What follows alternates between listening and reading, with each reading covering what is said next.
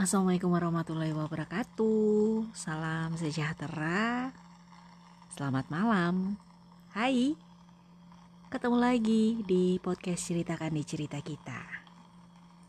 Di episode 9. Gak kerasa ya udah di episode 9.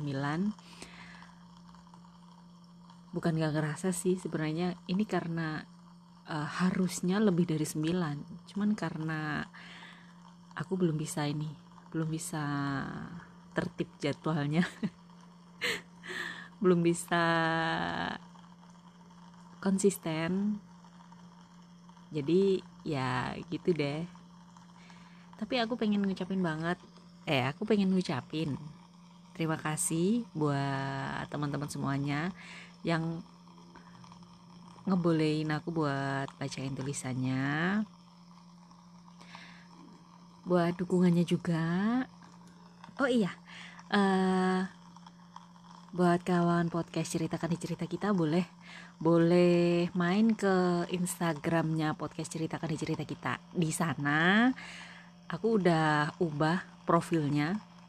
Jadi uh, aku pakai link tree kalau apa namanya diklik aja itu linknya yang di link tree itu tinggal pilih. Jadi bisa ini apa namanya bisa dengerin di Spotify bisa lihat Facebookku atau bisa juga yang mau kirim tulisannya itu di sana juga udah ada Google Form ya Google formulir. Tuh terus uh, tadi juga aku udah nambahin ini emailnya ya di bio. Jadi kalau kawan podcast ceritakan di cerita kita main ke Instagramku eh ke Instagram podcast CDCK ini di sana udah tersedia. Cuman untuk postingannya maaf banget ya belum ini belum ditambah. Nanti deh nanti coba ini. Karena nggak tahu kenapa sih ya aku malah jarang banget main di Instagram itu bukannya bukannya posting uh, konten Spotify-nya eh lah malah nyari video kucing. Jadi maaf banget ya uh, mungkin setelah ini deh aku coba merutinkan posting ini uh, posting apa namanya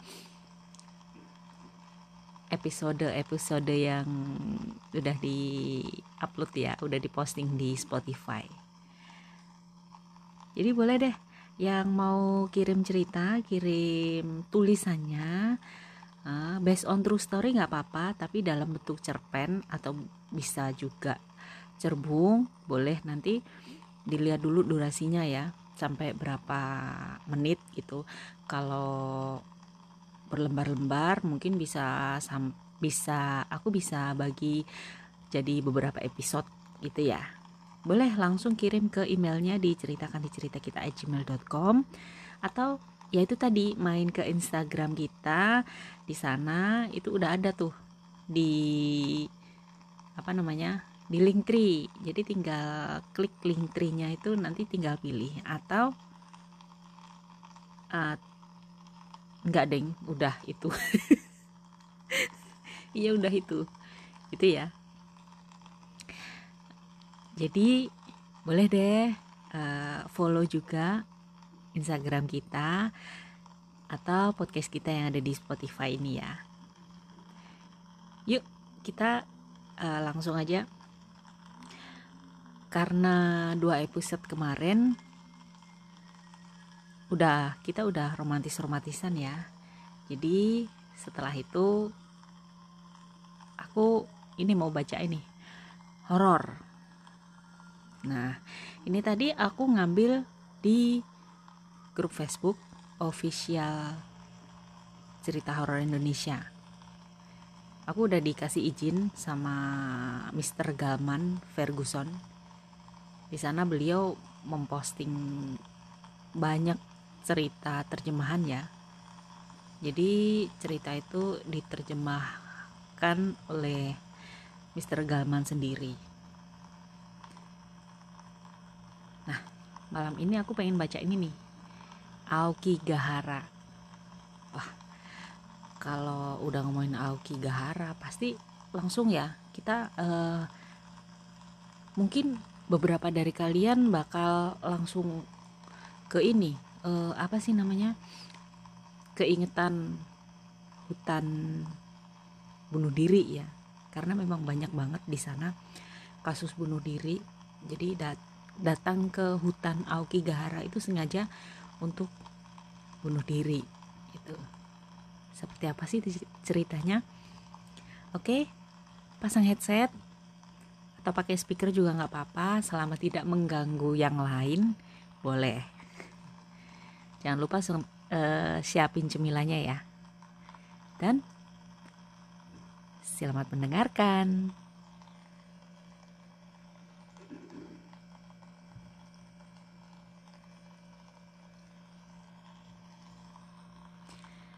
Misteri Hutan Aokigahara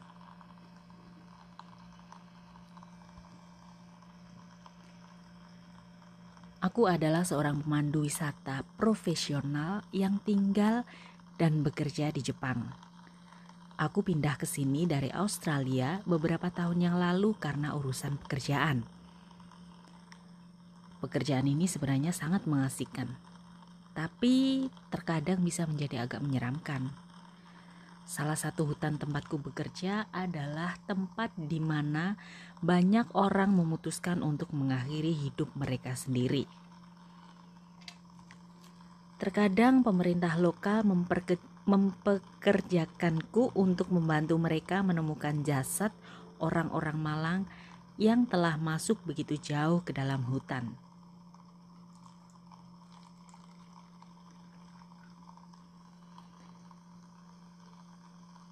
Biasanya orang-orang ini memang tak ingin ditemukan lagi kalau mereka masuk terlalu dalam.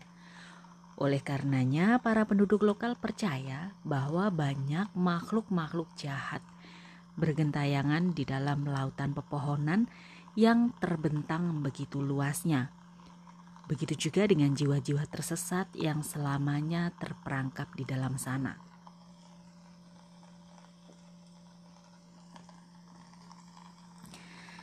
Awalnya aku tak percaya pada cerita-cerita seram yang dituturkan oleh penduduk di sekitar hutan itu. Tapi kemarin aku berubah pikiran saat aku menemukan sebuah diari kecil aneh di dalam kantung plastik yang hanyut di sungai. Membacanya membuat jiwaku terguncang, sehingga aku menimbang-nimbang apakah aku sebaiknya berhenti saja dari pekerjaan ini. Aku harus membagikan isi diari itu kepada orang-orang untuk mempertahankan kewarasanku sendiri. Begini isi diari tersebut. Aokigahara atau lautan pepohonan adalah sebuah area hutan luas di Jepang yang mengelilingi lereng Gunung Fuji. Hutan ini adalah sebuah taman suaka alam yang dikunjungi oleh ribuan turis setiap tahunnya. Aokigahara juga dikenal sebagai hutan bunuh diri karena telah banyak orang yang memutuskan untuk mengakhiri hidup mereka di sana. Tidak semua orang yang datang ke sana bermaksud untuk berpiknik. Banyak juga yang datang untuk mencari solusi permanen untuk masalah-masalah sementara mereka termasuk diriku. Tempat terkutuk itu bagaikan magnet yang menarik berbondong-bondong jiwa yang putus asa dan menderita. Penduduk lokal percaya bahwa Yurei atau arwah-arwah penasaran menghantui Aokigahara dan menyesatkan orang-orang menuju kebinasaan. Hidupku terasa berat untuk dijalani Aku bekerja 80 jam per minggu, bukan hanya untuk mengalihkan perhatian dari rasa sedih yang kurasakan karena kematian kedua orang tuaku, tapi juga karena istriku telah berselingkuh dengan pria lain di rumah kami sendiri. Jam-jam kerja panjang seolah-olah mampu mengalihkan perhatianku dari hutang-hutang yang melilit dan membuatku tak mampu membebaskan diri dari kehidupanku yang merana. Benar-benar sudah tak ada jalan keluar lagi bagiku. Aku tak punya teman dan tak tahu harus ke mana.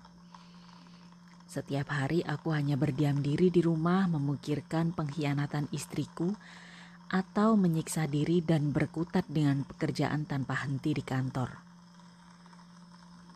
Dan sayangnya, jalan keluar yang paling mudah bagiku dari semuanya adalah sebuah pilihan yang tragis.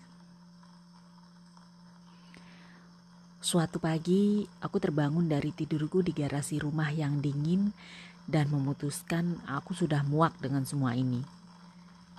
Aku memutuskan untuk menyingkirkan diriku sendiri dari dunia ini yang kuanggap adalah sebuah itikat yang baik. Dunia lebih baik tanpa orang menyedihkan sepertiku. Namun, aku juga merasa takut untuk melakukannya. Aku memang seorang pengecut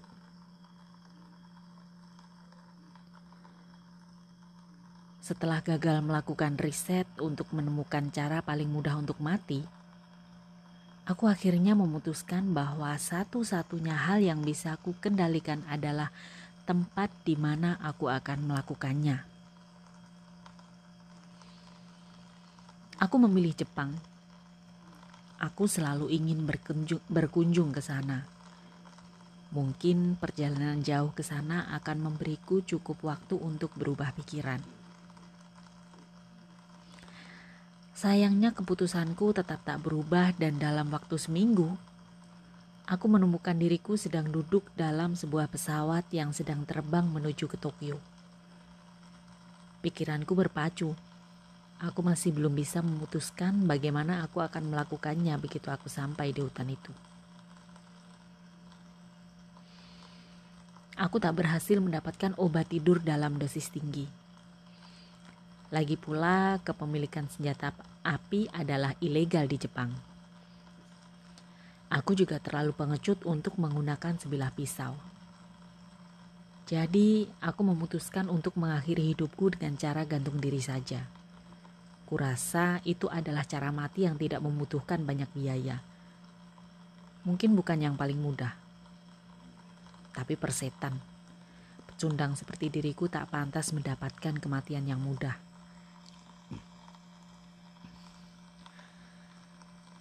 Saat aku tiba di Jepang, yang pertama kali kulakukan adalah membeli segulung tali yang kuat. Dan kemudian aku hanya akan tinggal mencari sebatang pohon yang cukup kuat untuk menopang berat tubuhku yang kuduga akan mudah untuk dilakukan mengingat aku akan melakukannya di tengah hutan. Kemudian aku harus mencari transportasi yang akan membawaku ke sana yang cukup sulit dilakukan karena aku harus bertanya ke sana kemari, sementara aku sama sekali tidak bisa berbahasa Jepang dan para penduduk lokal hanya bisa berbahasa Inggris sepotong-sepotong.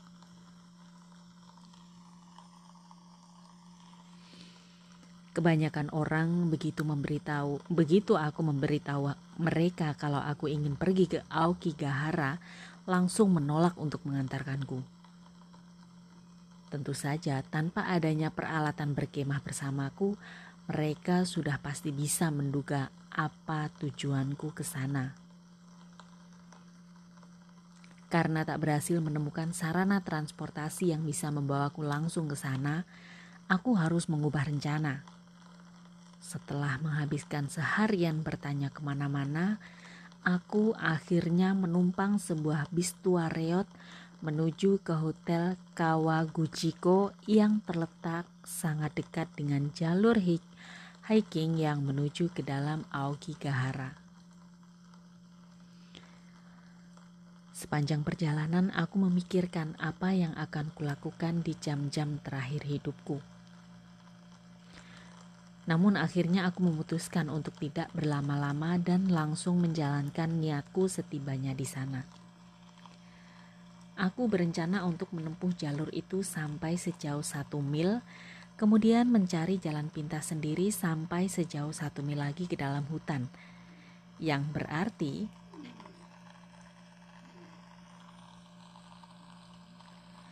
orang-orang tak akan pernah menemukan jasadku nantinya.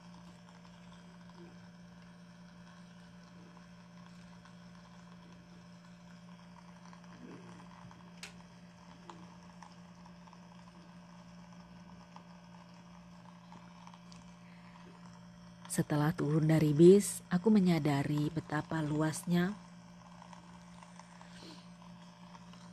hutan itu. Saat itu waktu setempat masih menunjukkan sekitar pukul 12 siang.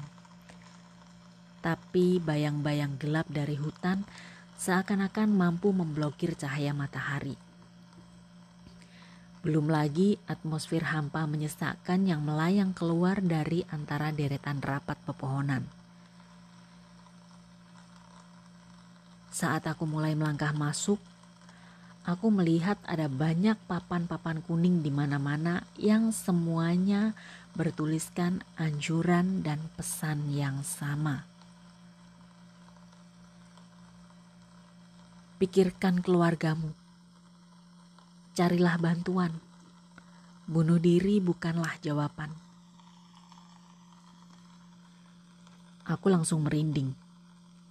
Suhu udara di dalam hutan itu seakan-akan langsung turun drastis. Orang-orang percaya suhu dingin itu disebabkan oleh jiwa-jiwa tersesat di Aokigahara yang tak berhasil menemukan jalan keluar dari sana. Tapi aku berpikir ini karena kanopi pepohonannya yang sangat rapat dan menghalangi cahaya matahari. Semakin jauh aku berjalan, semakin banyak lagi poster-poster yang isinya sama seperti sebelumnya. Kebanyakan berisikan peringatan supaya orang-orang tidak meninggalkan jalan setapak utama. Tapi semua orang tahu bahwa siapa pun yang berjalan keluar dari jalan itu dia pasti sudah berniat untuk mengakhiri hidupnya sendiri. Jadi, kebanyakan pengunjung tetap menyusuri jalur-jalur utama yang sudah dibuat untuk menjelajahi hutan dengan mudahnya. Aku masih terus menyusuri jalan itu, dan saat aku masuk semakin dalam, kesedihan mendalam mulai melingkupiku. Aku merasa seakan-akan sedang berdiri di dasar sebuah lubang yang gelap di mana tak seberkas sinar pun mampu meraihku. Saat itu aku tahu bahwa sudah saatnya aku meninggalkan jalan tersebut.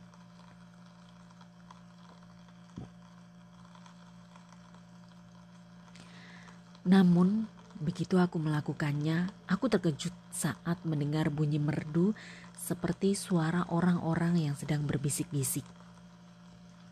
Aku menoleh ke belakang dan melihat jalan itu untuk terakhir kalinya sebelum kembali melanjutkan perjalananku. Suara-suara bisikan itu seakan-akan menuntutku masuk lebih jauh ke dalam hutan. Berada di antara hamparan pepohonan, rasa sedih dan kosong yang kurasakan mulai memudar. Aku juga tak lagi merasa dingin. Embusan terasa begitu lembut di tubuhku. Dedaunan kering berkeresekan setiap kali aku melangkah. Aku juga bisa mendengar bunyi aliran sungai kecil di kejauhan. Saat aku terus melangkah dengan tuntun, tuntutan suara-suara misterius itu. Begitu matahari mulai menggantung rendah di bawah puncak pepohonan, hutan itu tampak begitu damai membuatku melupakan segala permasalahanku di rumah. Membuatku ingin tinggal di sini selamanya, dilingkupi dan dilindungi oleh hutan ini.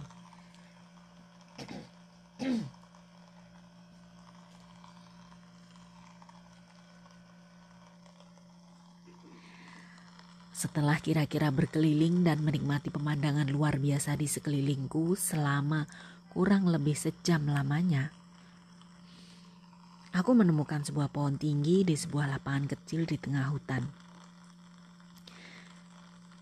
Senja telah tiba. Matahari sudah terbenam. Waktunya sudah tiba.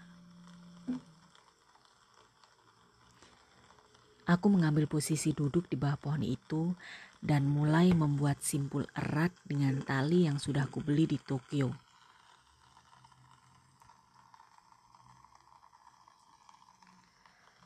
Lalu mendorong sebuah batu besar sebagai tempat berpijak. Kemudian aku melemparkan simpulku melewati sebuah cabang besar tepat di atas batu tersebut dan mulai mengencangkannya.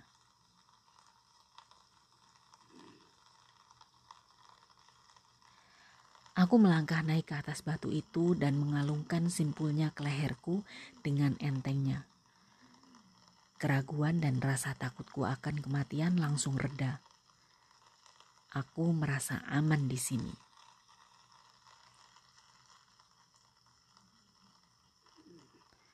Kemudian aku melompat.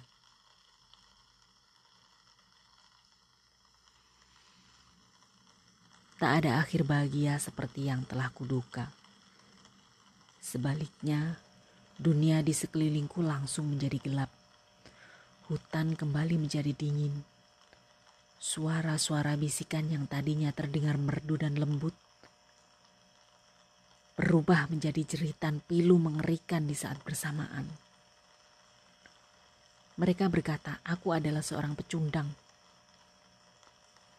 aku pantas mendapatkan akhir tragis seperti ini, dan aku tak akan pernah bisa lolos dari sini. Tentu saja mereka bohong. Aku berusaha sekuat tenaga untuk melepaskan diri dari jerat tari tali di leherku. Saat aku meronta-ronta, aku bisa melihat sosok pucat seorang wanita berambut hitam panjang dalam balutan kimono putih berjalan ke arahku.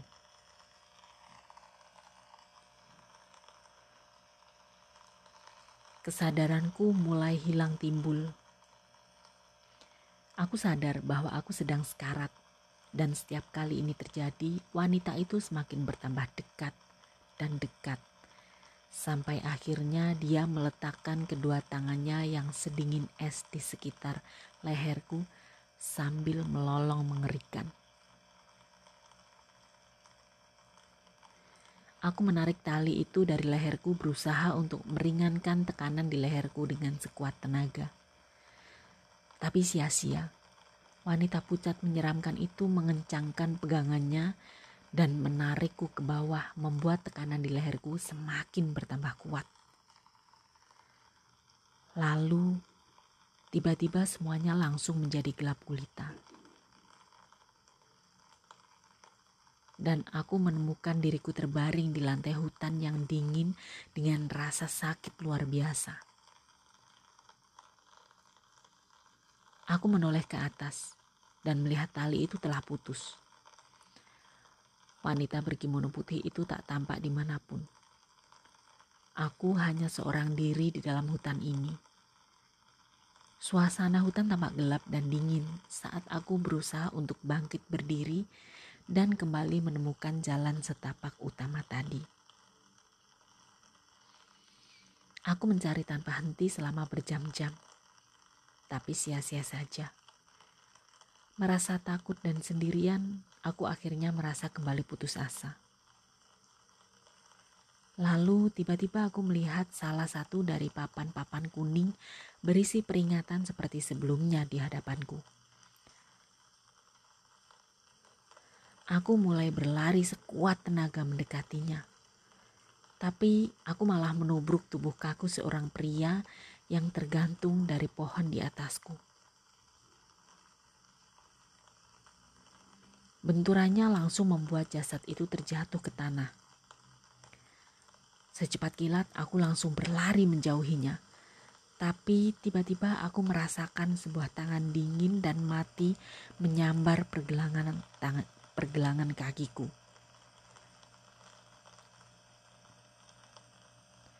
Dengan mulut terbuka lebar, jasad membusuk pria itu mulai menyambar kedua kakiku dan berusaha untuk menarikku ke bawah.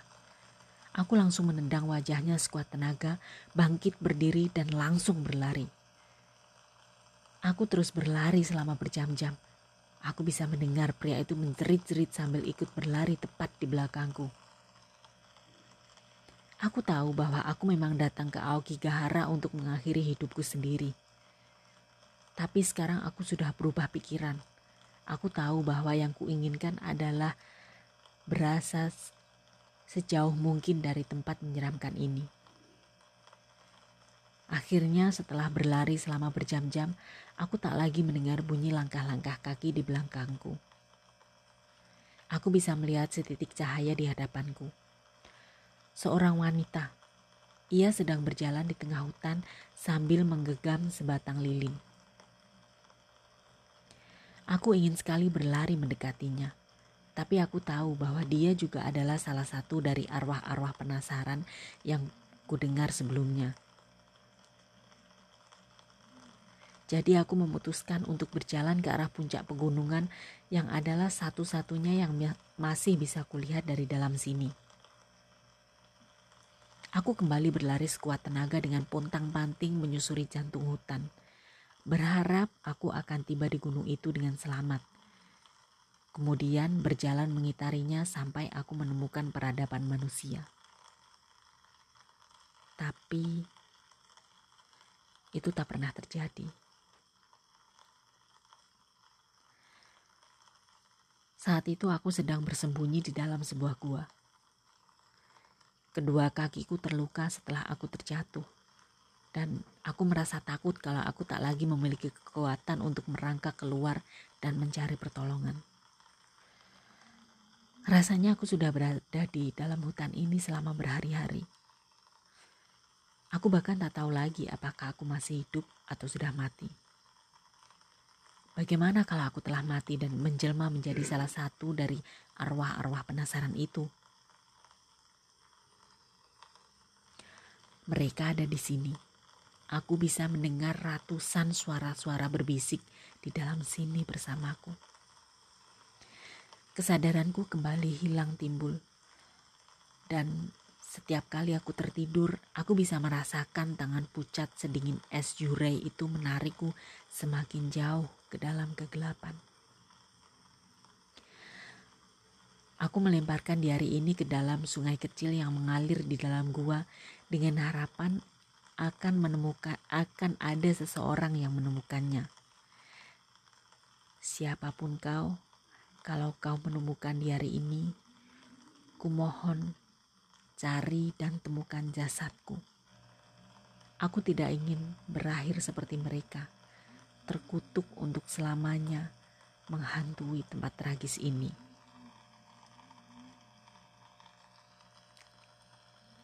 tamat. Original title I found a disturbing diary in Japan's Suicide Forest. Written by Mammoth Formal 1. Translation by Galman.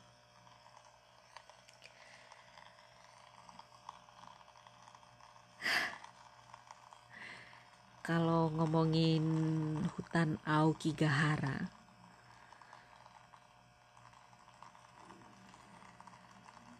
nggak tahu ya. Uh, memang sih Aokigahara itu identik dengan ini ya. Hutan bunuh diri.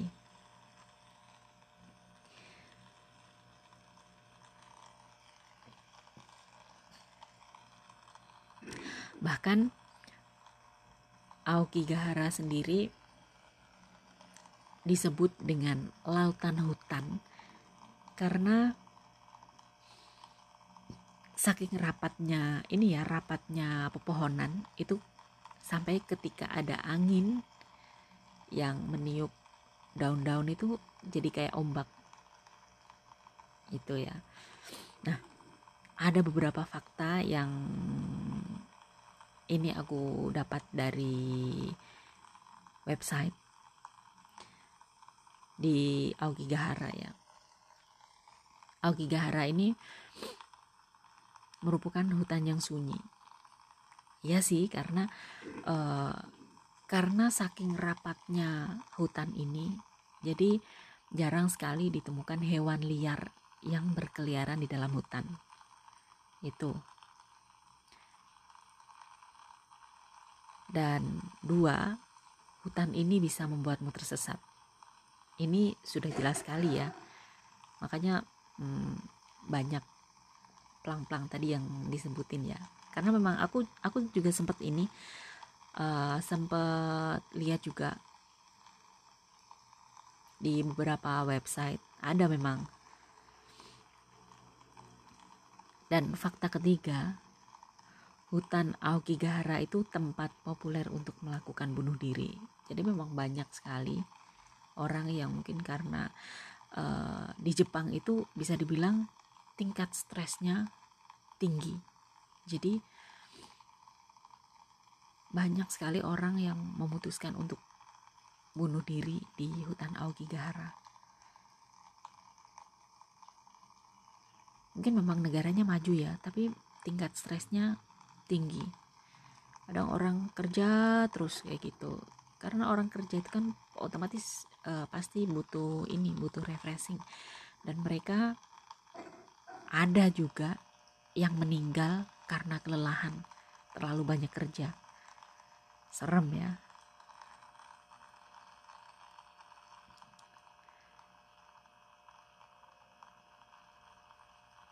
Nggak tahu sih. Uh, kalau ngomongin soal hutan Aokigahara ini nggak tahu kenapa ada nyes-nyesnya gitu.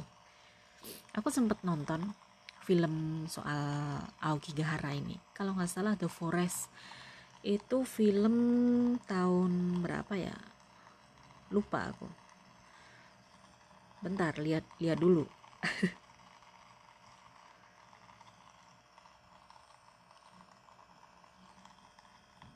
Uh, kok bukan ya?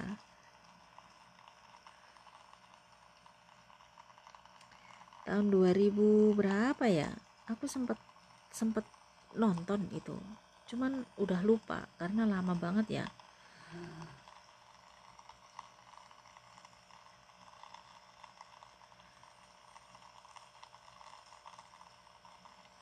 Oh tahun 2000 ini. 2016 iya iya. Jadi aku sempat nonton ini ada ada seorang wanita muda yang datang ke Aokigahara untuk nyari kembarannya. Tapi ternyata endingnya itu dia yang keseret kembarannya yang ditemukan kayak gitu. Jadi ya gitu deh. Serem memang sih ya kalau kayak gitu. Nggak tahu buatku tempat-tempat seperti hutan laut itu merupakan tempat misterius ya. Terutama laut. Laut itu uh, laut yang ada di bumi ini baru lima persennya yang dijelajahi.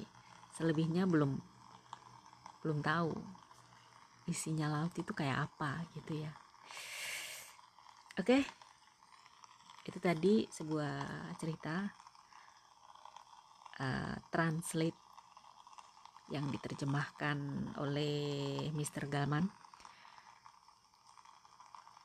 tentang hutan Aogigahara. Terima kasih buat kawan podcast ceritakan di cerita kita yang tetap dukung follow podcastnya follow instagramnya juga dan yang sudah membolehkan membolehkanku untuk membacakan ceritanya juga. Terima kasih.